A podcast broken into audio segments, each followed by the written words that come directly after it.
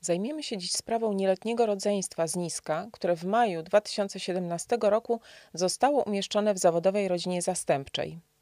Dom ten stał się dla nich pierwszym stabilnym miejscem pobytu, ponieważ wcześniej wielokrotnie byli przenoszeni e, z miejsca na miejsce.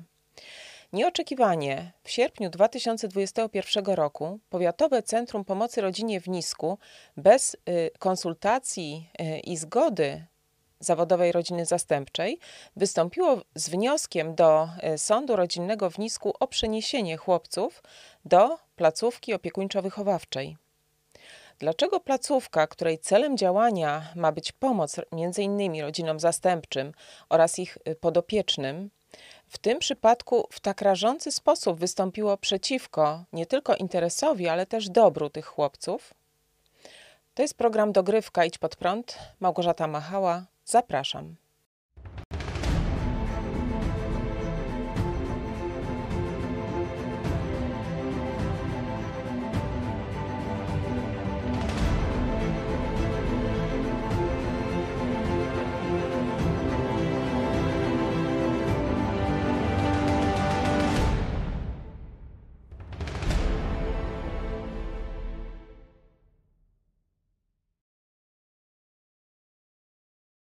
Udało nam się porozmawiać z panią dyrektor Powiatowego Centrum Pomocy Rodzinie w Nisku, panią Martą Ciosmak. Pani odpowiedź, y, a dokładnie komentarz do y, wniosku, który państwo wystosowali do y, Sądu Rodzinnego w Nisku o przeniesienie rodzeństwa z tej zawodowej rodziny zastępczej do ośrodka opiekuńczo-wychowawczego. Czy zgodziłaby się pani na udzielenie komentarza?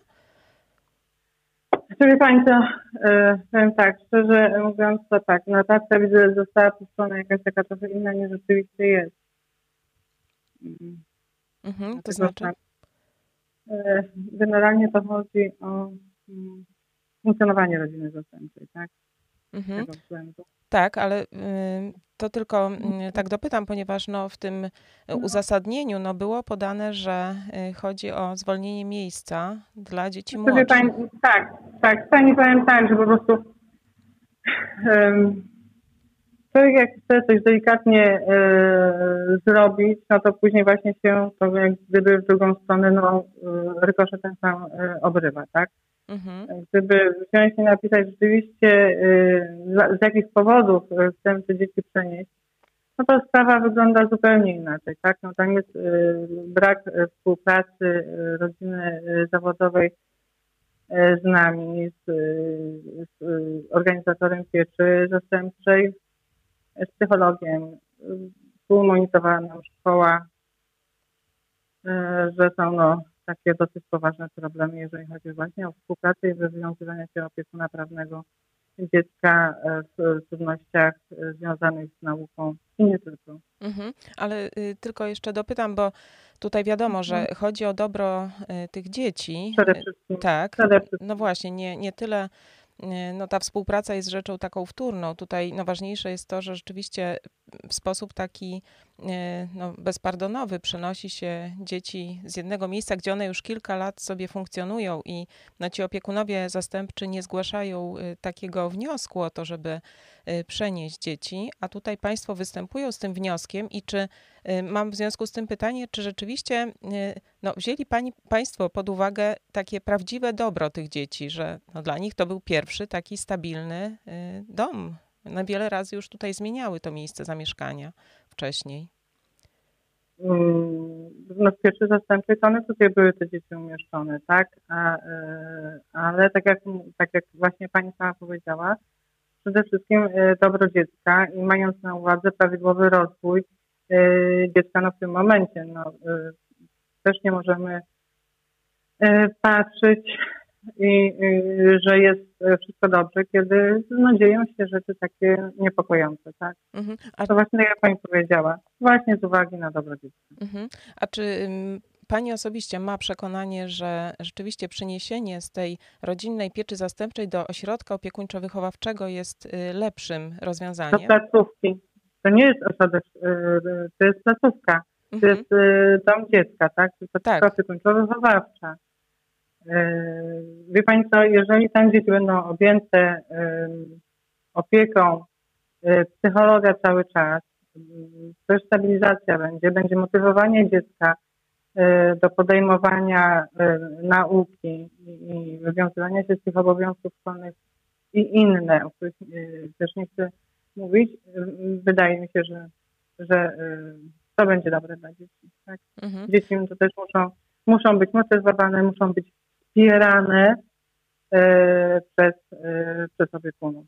Mhm. A Bo państwo to mieli... chodzi o ten dalszy rozwój dziecka. Rozumiem, a państwo mieli, rozumiem, takie y, państwo mieli przekonanie, że opiekunowie obecni w tej rodzinie zastępczej, oni gorzej sprawują tą swoją funkcję niż teraz będą opiekunowie w domu dziecka mieli możliwość e, sprawowania tej opieki, bo tutaj jest, oczywiście pani... chodzi o ilość dzieci też, prawda, w rodzinie zastępczej mhm. i w tej placówce.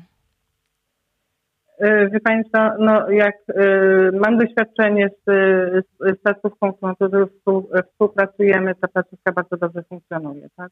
Mhm. No dobrze, to jeszcze mhm. tylko bym chciała zapytać, bo no, z tego co się orientuję, zresztą no, Państwo ten powód mhm. podali, że chodzi o to, że brakuje jednak też miejsc w tych rodzinach zastępczych, to właśnie chciałam zapytać, czy no, takie działania y, PCPR-u nie będą miały skutków y, zupełnie przeciwnych do zamierzonych, czyli no, te nowe rodziny będą po prostu obawiały się zakładania tych rodzinnych domów dziecka z obawy, że bez ich y, zgody czy, czy bez takiej wiedzy i według nich bez, bez bezpośredniej przyczyny będą im odbierane dzieci i przenoszone po prostu poza nimi do, do innych placówek. E, wie Pani co, sądzę, że jeżeli e, rodziny zastępcze funkcjonują prawidłowo, e, współpracują z organizatorem pieczy zastępczej, takich obaw na pewno nie będą miały. Mhm. A jeszcze, no to już takie ostatnie pytanie, bo właśnie chciałabym tylko zapytać, według Pani, dlaczego brakuje tych rodzin zastępczych chętnych do, do tego, żeby podejmować się tego wyzwania? Wie Pani co, no tak, mogę powiedzieć, że jak na przykład do nas y, przychodzą gdzieś tam osoby się pytają, y, jednak chyba y, jest takie przekonanie, no nieszczęśliwe przekonanie, tak, że, że często dzieci, które są umieszczane w, w rodzinach zastępczych pochodzą z rodzin, no, które miały te problemy, tak, że te dzieci są z tymi problemami obarczone mhm. i obawiają się tego, bo to jest wyzwanie. No to no jest tak. wyzwanie rzeczywiście opieka e, nad, e, nad tymi dziećmi. I tak jak tutaj rozmawiamy, no to to przede wszystkim, tak, no zadają pytania, z jakich rodzin te dzieci będą pochodziły.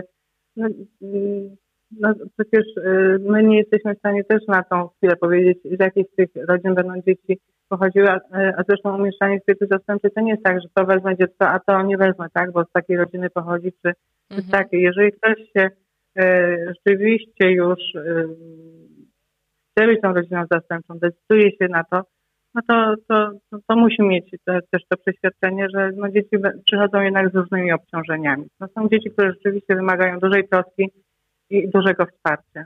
Mhm. A na jaką y, pomoc z Państwa strony mogą liczyć te rodziny? E, rodziny zastępcze, no to u nas e, wiadomo, te e, wszystkie świadczenia, które są ustawą zagwarantowane, wiadomo, że jest ta pomoc. E, są, jest, e, są rodziny, które wspomagają też rodzinę w, w pracach domowych czy, czy w opiece nad dzieckiem. Jest psycholog, jest koordynator, także współpraca i wszystko będzie dobrze. Mhm. A jeszcze tylko tak dopytam, y, jeśli pani może zdradzić oczywiście, bo w sumie mhm. to dobrze by było, żeby pani udzieliła tej odpowiedzi. Y, no, w jakim zakresie właśnie ta konkretna rodzina z Niska y, nie podjęła, czy nie kontynuowała współpracy właśnie z państwem? Na jakim to było poziomie? Wie państwo, no ja powiem tak, na tym, w, tym, w tym momencie jeszcze nie chcę na ten temat. Ja sądzę, że tutaj sąd będzie odpowiednio też uzasadnienie do y, postanowienia pisał, także mhm. trzymajmy się. No dobrze, to mhm. bardzo dziękuję Pani za y, ten komentarz. Mhm. Była z nami Pani Marta Ciosmak z Powiatowego Centrum Pomocy Rodzinie w Nisku i rozmawiała Małgorzata Machała. Bardzo Pani dziękuję i do usłyszenia. Do widzenia. Usłyszeliśmy komentarz pani dyrektor z Powiatowego Centrum Pomocy Rodzinie w Nisku. Teraz dla równowagi chciałabym, abyśmy wysłuchali również y, opinii y, dwojga zaproszonych przeze mnie gości. Y, witam panią Annę Krawczak, która jest członkiem zarządu Koalicji na rzecz Rodzinnej Opieki Zastępczej oraz Grzegorza Doleckiego, który wraz z żoną już od ponad siedmiu lat prowadzi rodzinną pieczę zastępczą. E, pani Aniu, Pani jest e, członkiem zarządu e, właśnie tej koalicji na rzecz rodzin prowadzących takie piecze zastępcze. I z tego co wiem, po tym zdarzeniu Państwo wystosowali różne pisma do osób, do instytucji, właśnie aby zainterweniować w tej sprawie, że dzieci są przenoszone z takiego rodzinnego domu dziecka do placówki opiekuńczo-wychowawczej. Ale na początek chciałam y, zapytać, skąd w ogóle Pani się dowiedziała o tej sytuacji, gdyby Pani mogła nakreślić tło całej tej sprawy? To jest sytuacja, o której środowisko e, rodzin zastępczych e, wiedziało od dłuższego czasu, że zapowiada się taka sytuacja, natomiast wszyscy mieliśmy nadzieję, że E, sąd podejmie tutaj inną decyzję, ponieważ też zgodnie z naszą wiedzą, jako koalicji, takie próby były podejmowane już wcześniej w Polsce przez różnych organizatorów rodzinnej pieczy zastępczej, ale wnioski były zawsze odrzucane przez sąd, ze względu na to, że mm, inne rozstrzygnięcie byłoby rażąco sprzeczne z interesem dzieci. Tym razem stało się inaczej i e, no, stąd też się pojawiła nasza obecność w tej sprawie i nasza interwencja. Gdyby Pani mogła tak podzielić się własnymi myślami, co pierwszego Pani pomyślała właśnie w tej chwili, gdy dowiedziała się Pani o tym, że y, te dzieci są w taki sposób no, trochę przedmiotowy, y, chcą być przeniesione z takiej y, atmosfery rodzinnej, rodzinnego domu dziecka, właśnie do tej placówki opiekuńczo-wychowawczej? Mam dużą trudność z odpowiedzią na to pytanie, ponieważ nie wiem, czy powinnam odpowiadać jako członkini zarządu koalicji, czy jako badaczka. Jest mi łatwiej odpowiedzieć jako badaczce interdyscyplinarnego zespołu badań nad dzieciństwem, no bo to jest e, bo akurat zagadnienia podmiotowości versus przedmiotowego traktowania dziecka, czy instrumentalnego traktowania dziecka są mi po prostu bliskie, stanowią moją codzienność mojej pracy e, badawczej. E, nie nazywałabym tego potraktowaniem jakby przedmiotowym, to jest po prostu potraktowanie przedmiotowe, to jest swobodne e, zarządzanie dzieckiem niczym takim mobilnym obiektem w czyimś zarządzie, e, zupełnie bez e, jakby wniknięcia wrażliwości na fakt, że dziecko przede wszystkim jest człowiekiem. Ponadto jest również obywatelem, gdyby sam status mm, człowieka mm, wydawał się niewystarczający. I trudno przypuścić, że potraktowanie dorosłego człowieka z pełnią praw obywatelskich w taki sposób wydawałoby się nam równie przezroczyste, jak potraktowanie w ten sposób dziecka, czy w zasadzie w tym przypadku dwojga dzieci, które po czterech latach stabilizacji w rodzinie zastępczej, gdzie jakby jasno zidentyfikowały, że osoby prowadzące ten dom dziecka są ich e, bezpiecznymi opiekunami, że to jest ich dom, to jest ich rodzina, tylko dlatego, że ukończyły dziesiąty rok życia, mają zostać przeniesione w inne miejsce do placówki, żeby zwolnić miejsca dla dzieci młodszych. Mhm. No właśnie ten powód y, przeniesienia jest taki dosyć y, zaskakujący, żeby właśnie zrobić miejsce dla dzieci młodszych, a te starsze mogą być y, tak zwyczajnie przeniesione do, do innej placówki i to do gorszej placówki, bo z tego, jak ja spodziewam się, to, to wydaje mi się, zresztą tutaj Grzegorz, nie wiem, czy ty to potwierdzisz, ale dzieci powinny raczej być przenoszone z gorszych warunków do lepszych, czyli z, właśnie z domu dziecka do, do takiej rodzinnej pieczy. Grzegorz, gdybyś mógł ty powiedzieć, y, jak y, ty zareagowałeś na taką informację, co się wydarzyło też być może w tym środowisku, w którym ty przebywasz, czyli właśnie takich opiekunów tych piecz rodzinnych, zastępczych. My, tak jak pani Ania tutaj powiedziała, o tej sytuacji wiedzieliśmy już dużo wcześniej, e, wiedząc, że taki wniosek przez PCPR w Nisku został złożony do sądu, ale byliśmy przekonani, że to się nie stanie, że stąd stanie tutaj po ich, e, ich, ich praw. Natomiast no, orzeczenie to było dla nas zaskakujące, powiem wręcz skandaliczne. No, nie spodziewaliśmy się czegoś takiego. Dzieci to nie są pudełka, które można przesuwać z jednego punktu w drugi. bez, bez jakiegoś uszczerbku tutaj decyzje urzędnicze, znaczy dobro dziecka, o którym się tak bardzo mówi w pieczy zastępczej, nie, było potraktowane, no, no jest na ostatnim miejscu. Tutaj e, sprawa urzędnicza jest ważniejsza. To, że urząd, że PCPR nie, nie jest w stanie zabezpieczyć miejsc dla małych dzieci w pieczy zastępczej rodzinnej, no powoduje, że sobie e, jakoś instytucjonalnie chce załatwić te miejsca kosztem no, dobra dzieci. To jest, to jest skandaliczne. Mhm. E, tak, ale właśnie wiemy, że przecież e, te dzieci z pieczy rodzinnej, one no, bywają przenoszone również do, do domów dziecka.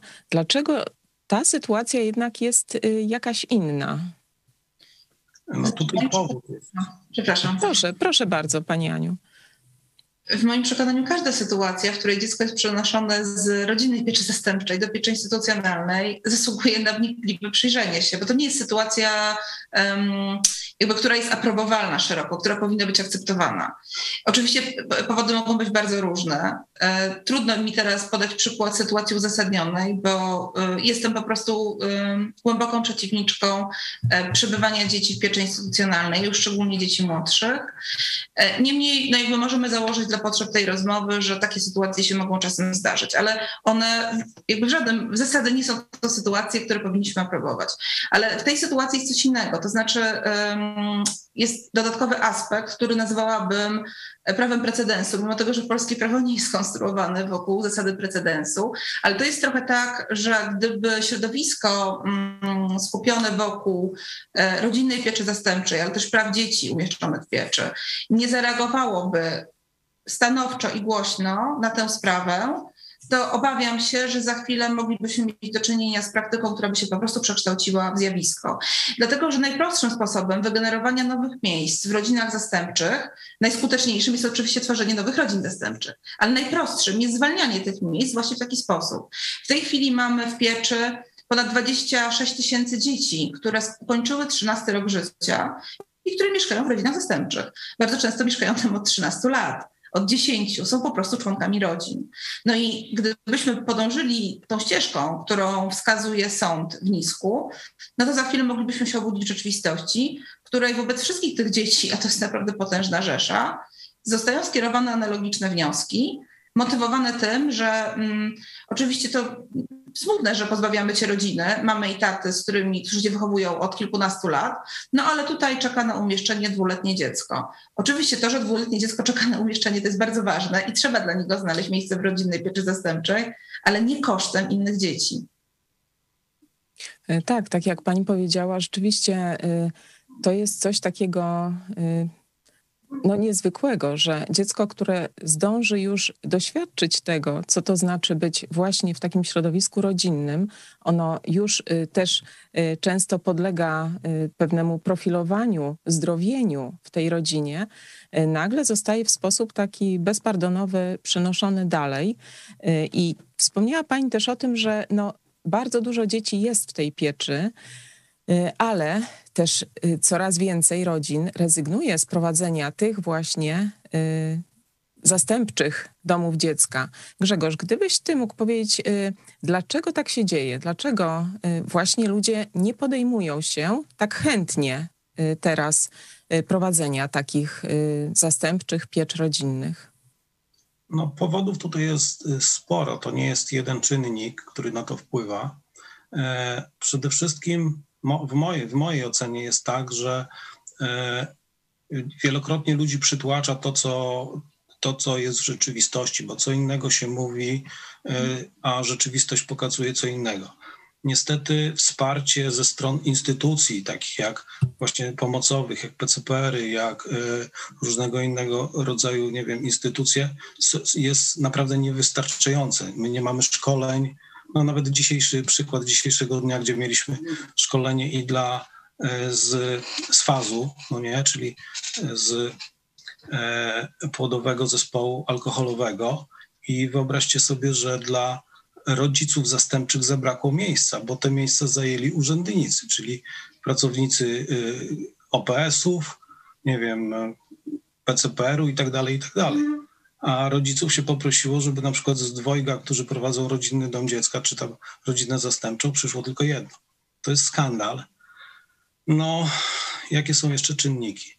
No, wszyscy wiemy, że dzieci, które trafiają do pieczy zastępczej, to są dzieci z dużym bagażem doświadczeń. To są dzieci z wiel wieloma traumami, z różnego rodzaju obciążeniami, takimi, które doros niejednokrotnie dorosły człowiek nie doświadcza przez całe swoje życie.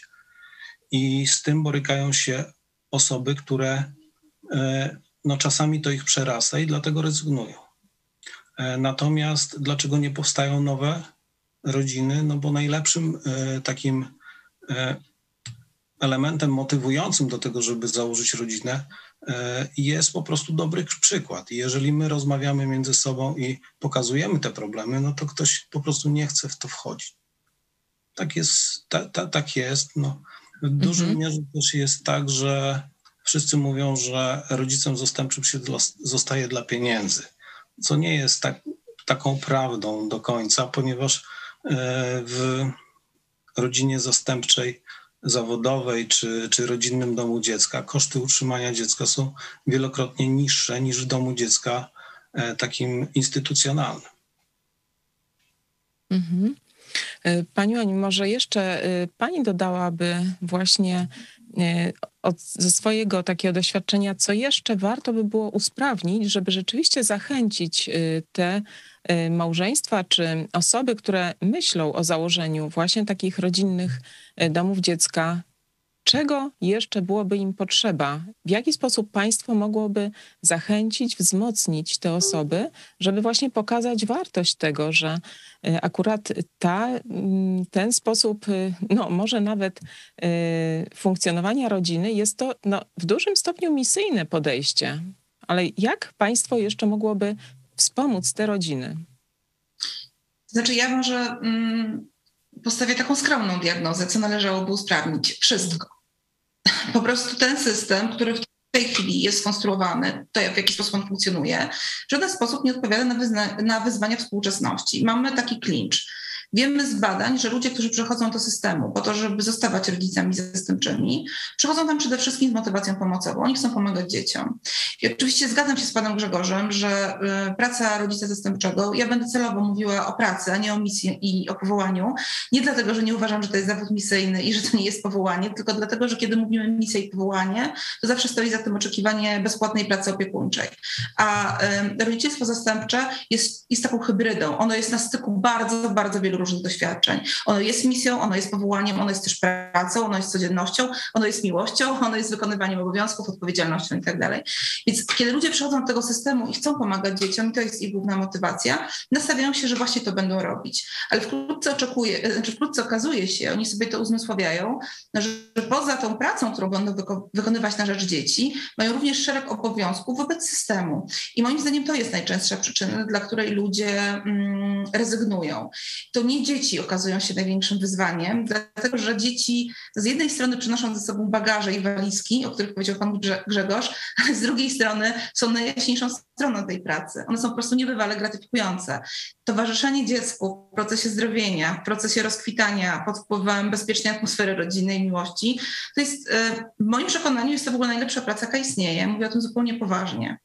Nie ma, e, żadna inna praca nie wiąże się z tak potężną satysfakcją, która po prostu bierze się z ratowania ludzkiego życia, na, naocznie widzianego, obserwowanego. Ale mm, w ten pakiet, który, o którym dowiadują się kandydaci na rodziców adopcyjnych, yy, przepraszam, zastępczych, no nie jest wcale wpisane na samym początku expressis verbis to, że będą musieli się kłócić z urzędnikami o to, czy są rodziną, czy są jedynie przechowalnią. Że po czterech latach ktoś im powie, zabieramy wam dzieci, dlatego że byliście tylko dworcem, tak? E, a to dziecko jedzie dalej w podróż. Więzi, które wytworzyliście z tym dzieckiem, nie mają żadnego znaczenia. Z łatwością przeniesiemy te więzi na inną rodzinę, że będą musieli walczyć o ochronę swojego dobrego imienia, kiedy na przykład narażą się urzędnikom. To są wszystko te drobne druczki, których wcale na początku nie widać, bo ich tam nie ma. I teraz myślę sobie, trochę nawiązując do tego, co powiedział pan Grzegorz, że e, piecza zastępcza, rodzinna, dobrze funkcjonuje tam, gdzie są jej dobrzy ambasadorowie i ambasadorki. To znaczy, jeśli rodziny zastępcze są zadowolone ze współpracy ze swoim organizatorem, to one po prostu o tym mówią, bo nawet jeżeli doświadczają trudności, a zawsze tak jest, to razem z tymi trudnościami przychodzi też wsparcie. Przychodzą zespoły interdyscyplinarne, grupy wsparcia, mentoring. Jest bardzo dużo narzędzi, które nawet w obecnym systemie prawnym organizator może zastosować, ale bardzo rzadko to robi oczywiście. Natomiast jeśli już to robi, no to ludzie są zadowoleni, bo czują się zaopiekowani. No ale jeśli tego nie ma, no to można wydrukować bardzo wiele ulotek i bardzo wiele plakatów i zorganizować świetne akcje facebookowe, ale rodziny między sobą będą mówiły swoim sąsiadom, rodzinie, znajomym, otoczeniu, również mediom społecznościowym, że ta rzeczywistość wcale nie jest różowa. No więc nie będzie to zachęcające dla nowych kandydatów. Mhm. Grzegorz, gdybyś właśnie ty ze swojego doświadczenia mógł powiedzieć, czy ty doświadczyłeś y, właśnie takiego wsparcia, o jakim pani Ania mówi, że ono było bardzo mile i bardzo dobrze widziane, ono jest y, często niezbędne właśnie, żeby y, te osoby, które podejmują się takiego trudu, takiej pracy, rzeczywiście miały do tego zapał i serce. Czy, czy ty osobiście się spotkałeś właśnie z taką pomocą, jakiej potrzebowałeś? Znaczy my w ogóle rodziną zastępczą zostaliśmy e, tak jakby z polecenia, nie? z dobrego przykładu. Ponieważ znamy rodzinę, przyjaźnimy się z nią, która e, rodziną zastępczą jest już bodajże od dwudziestu paru lat. I żyliśmy z tą rodziną, widzieliśmy, jak to wygląda, i chyba tylko dlatego zdecydowaliśmy się podjąć te, tej, tej pracy, jak to pani Ani powiedziała. E, natomiast co do wsparcia, no to wsparcie Nieraz jest, nieraz go nie ma. To zależy od sytuacji, tak? W takich ekstremalnych sytuacjach, które nam się zdarzały, czyli na przykład pomówień w stosunku do nas, pisania donosów i tak dalej, oczywiście mogliśmy liczyć w 100% na naszą panią dyrektor z PCPR-u i tu nie mogę złego słowa powiedzieć. Natomiast czuję pełny niedosyt y, szkoleniowy, pełny niedosyt takich grup wsparcia, takich, y, no powiedzmy sobie szczerze, my musimy czasami się wygadać, tak? My mamy tak dużo rzeczy, z którymi chcielibyśmy się podzielić z innymi ludźmi i od których chcielibyśmy też uzyskać jakieś tam, nie wiem, czy porady, czy nawet samego takiego wsparcia słownego. No tego nie ma. Te nasze spotkania są takie troszeczkę jałowe. Ja oczekiwałbym, żeby to było zupełnie co innego, nie? E, mamy też duże kłopoty w takich relacjach. Mm, znajdowania pomocy, y, ponieważ my nie jesteśmy wszyscy specjalistami, my jesteśmy tylko rodzicami, ale kiedy dostajemy pod opiekę dziecko, które wymaga jakiegoś specjalistycznego działania, nie, diagnozy, to tutaj też oczekiwalibyśmy, że te instytucje nam pomogą, że nas skierują w odpowiednie miejsca.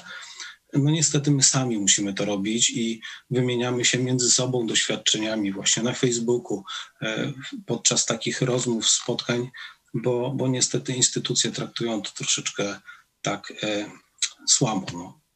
Mhm. E, to Pani Aniu, jeszcze chciałam zapytać, czy y, jakie działania koalicja podjęła właśnie, aby pomóc tym konkretnym osobom? Dlaczego zaangażowaliście się y, i jak zaangażowaliście się właśnie w taką realną pomoc właśnie tej konkretnej rodzinie z Niska? Um Zainterweniowaliśmy do pani minister rodziny i polityki społecznej, do Rzecznika Praw Dziecka, do wojewody podkarpackiego, do dyrektora PCPR-u, do burmistrza i do starosty, jak również do przewodniczącej Stowarzyszenia Sędziów Rodzinnych w Polsce i zrobiliśmy, dlaczego to zrobiliśmy? No dlatego, że to jest taka sprawa, przy której wszystkie ręce muszą być na pokładzie. Nie jesteśmy jedyną organizacją pozarządową zajmującą się rodzicielstwem zastępczym, która to zrobiła.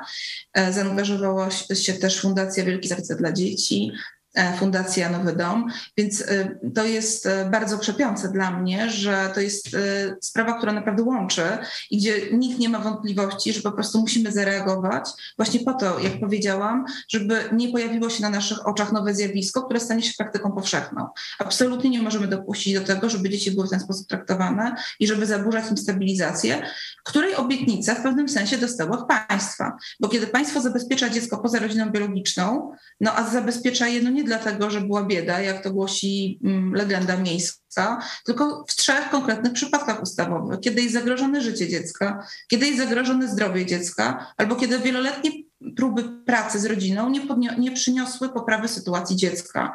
Czyli zawsze w tle jest zagrożenie dziecka po prostu. No więc kiedy państwo zabiera dziecko z takiego zagrażającego domu, mówi mu od dziś będzie lepiej. Dołożymy starań, żebyś była, żebyś był bezpieczny no to jeżeli po czterech latach państwo mówi, oczywiście przez swojego przedstawiciela lokalnego, tak, czyli sąd e, i organizatora rodzinnej pieczy zastępczej, nie będziesz już bezpieczny, zmieniasz miejsce zamieszkania, bo my tak zdecydowaliśmy, no to znaczy, że ta obietnica jest nic nie warta. Mhm. E, no, na pewno będzie apelacja w tej sprawie być może już jest złożona, ale właśnie gdyby y, pani jeszcze mogła powiedzieć, co by się stało, jeżeli jednak ta decyzja zostanie wprowadzona w życie? Jakie to może mieć reperkusje właśnie takie dalsze dla innych rodzin, dla podopiecznych? Nie wiem, co się stanie w tym konkretnym przypadku, bo nie jestem tą e, konkretną rodziną zastępczą i ta decyzja będzie leżała po ich stronie. Jeżeli chodzi o konsekwencje dla innych rodzin zastępczych i ich dzieci, ja akurat e, celowo nie używam słowa podopieczny ani podopieczna. E, jestem akurat z tej frakcji rodziców zastępczych, którzy jasno się definiują jako rodzice, a dzieci definiują jako dzieci. Ale to oczywiście jest kwestia rozstrzygana przez każdą rodzinę zastępczą osobno. E, więc jakie to będzie mieć skutki dla innych rodzin, dla innych dzieci? No myślę, że katastrofalne, dlatego że to jest trochę jak, mm, jak podniesienie szlabanu, podniesienie pewnej zapory. Co się będzie dalej za nią kryło? Czy to będzie zjawisko masowe, czy to będzie zjawisko no, na zasadzie takiego ciurkania, tak? Czyli trochę tych spraw będzie, być może czasem więcej, czasem mniej. Dla mnie to szczerze powiedziawszy nie ma większego znaczenia, dlatego że jedno dziecko przeniesione w ten sposób do placówki z rodziny zastępczej, która nie wyraża na to zgody, bo to nie jest taka sytuacja, że te prowadzące rodzinę zastępczą zgodziły się na to, czy chciały. To jest po prostu o jedną sytuację za dużo. I trochę mnie nie interesuje, czy takich spraw będzie 300 w roku, 3000 w roku, czy 3. Każda z tych spraw to jest sprawa, która nie powinna się wydarzyć. Tak, tak. Tym bardziej, że za każdą z tych spraw stoją żywi, konkretni ludzie i często to są jeszcze nieletne, nieletnie osoby. Także Rzeczywiście y, to ma dlatego tak dużą wagę.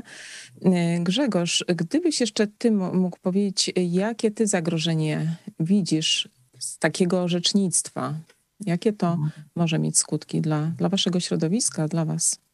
No ja podzielam to wszystko, co pani Ania powiedziała. No, e, jedno takie zdarzenie może po niej pociągnąć falę różnych innych zdarzeń. E, wiemy wszyscy, że dzieci, które trafiają do pieczy, nie wszystkie są traktowane tak, jak, jak mówi ustawa, że tam po, po 18 e, e, miesiącach powinno się podjąć decyzję, czy dziecko pójdzie, wróci do rodziny biologicznej, czy zostanie skierowane do adopcji. Czasami te dzieci pozostają w pieczy zastępczej do pełnoletności albo i dłużej.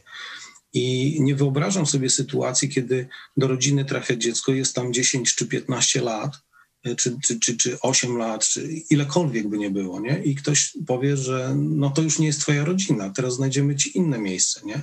To dziecko już raz przeżyło traumę spowodowaną tym, że zostało zabrane z domu, e, trafiło do kogoś obcego, no nie? Ono się tu przyzwyczaiło, ma, to jest tak, że praktycznie wszystkie takie rodziny e, są powiązane jakimiś więzami, e, tutaj są różne, różnego rodzaju emocje, my się traktujemy jak rodzice i dzieci. To nie jest tak, że to są, no nie wiem, to, to jest ktoś... Obce osoby, tak. Takie na przeczekanie. Mhm. Traktujemy je jak własnego syna, córkę. E, tak samo, mimo tego, że do niektórych, e, że zwracają się do nas ciociu czy wujku niejednokrotnie, to są nasze dzieci, my takie traktujemy i nie wyobrażam sobie, żeby przyszedł urzędnik i powiedział, ja zabieram ci dziecko, bo, bo, bo potrzebuję miejsca na inne, nie? no to tak nie działa. To ja, ja bym się nigdy na to nie zgodził, gdyby trafiło to w moją rodzinę i urzędnicy by do czegoś takiego doprowadzili, to ja bym zrezygnował całkowicie. Ja już więcej nie chciałbym żadnych dzieci. Mhm. E, pani Aniu, jeszcze chciałam zapytać, bo no, Pani jest ekspertem, zajmuje się takimi sprawami. Czy e, spotkała się Pani już e, z tego rodzaju przypadkiem wcześniej? Czy to jest pierwszy przypadek tego typu? Spotkałam się z takimi przypadkami wcześniej, ale nigdy nie kończyły się one pozytywnym orzeczeniem sądu. Sądy po prostu odrzucały takie sprawy. To jest pierwszy przypadek, w którym sąd y, przychylił się do wniosku PCPR i y, postanowił o przeniesieniu dzieci z pieczy rodzinnej do instytucjonalnej. Dlatego ta sprawa jest tak ważna. Mhm. Y, to jeszcze może takie pytanie, bo wiadomo, że no, w interesie naszym społeczeństwa jest to, żeby tych y, właśnie rodzinnych piecz zastępczych było jak najwięcej, żeby dzieci trafiały rzeczywiście w takie przyjazne, rodzinne y, środowisko, żeby mogły y, wyrastać na, na zdrowe, bezpieczne osoby. E, ale właśnie, gdyby pani mogła powiedzieć jeszcze, jak myśli, y, jak pani myśli, jak można by odwrócić ten trend właśnie takiego wycofywania się, tak jak tutaj Grzegorz powiedziałeś y, też, że pewne trudne doświadczenia, takie związane z czymś, że coś się dzieje poza nami, że to nie nasza decyzja y, wpływa na to, że my pozbywamy się tych dzieci, tylko ktoś nam je odbiera i prze, przenosi do innego środowiska obcego, to jak według Pani można było odwrócić ten trend?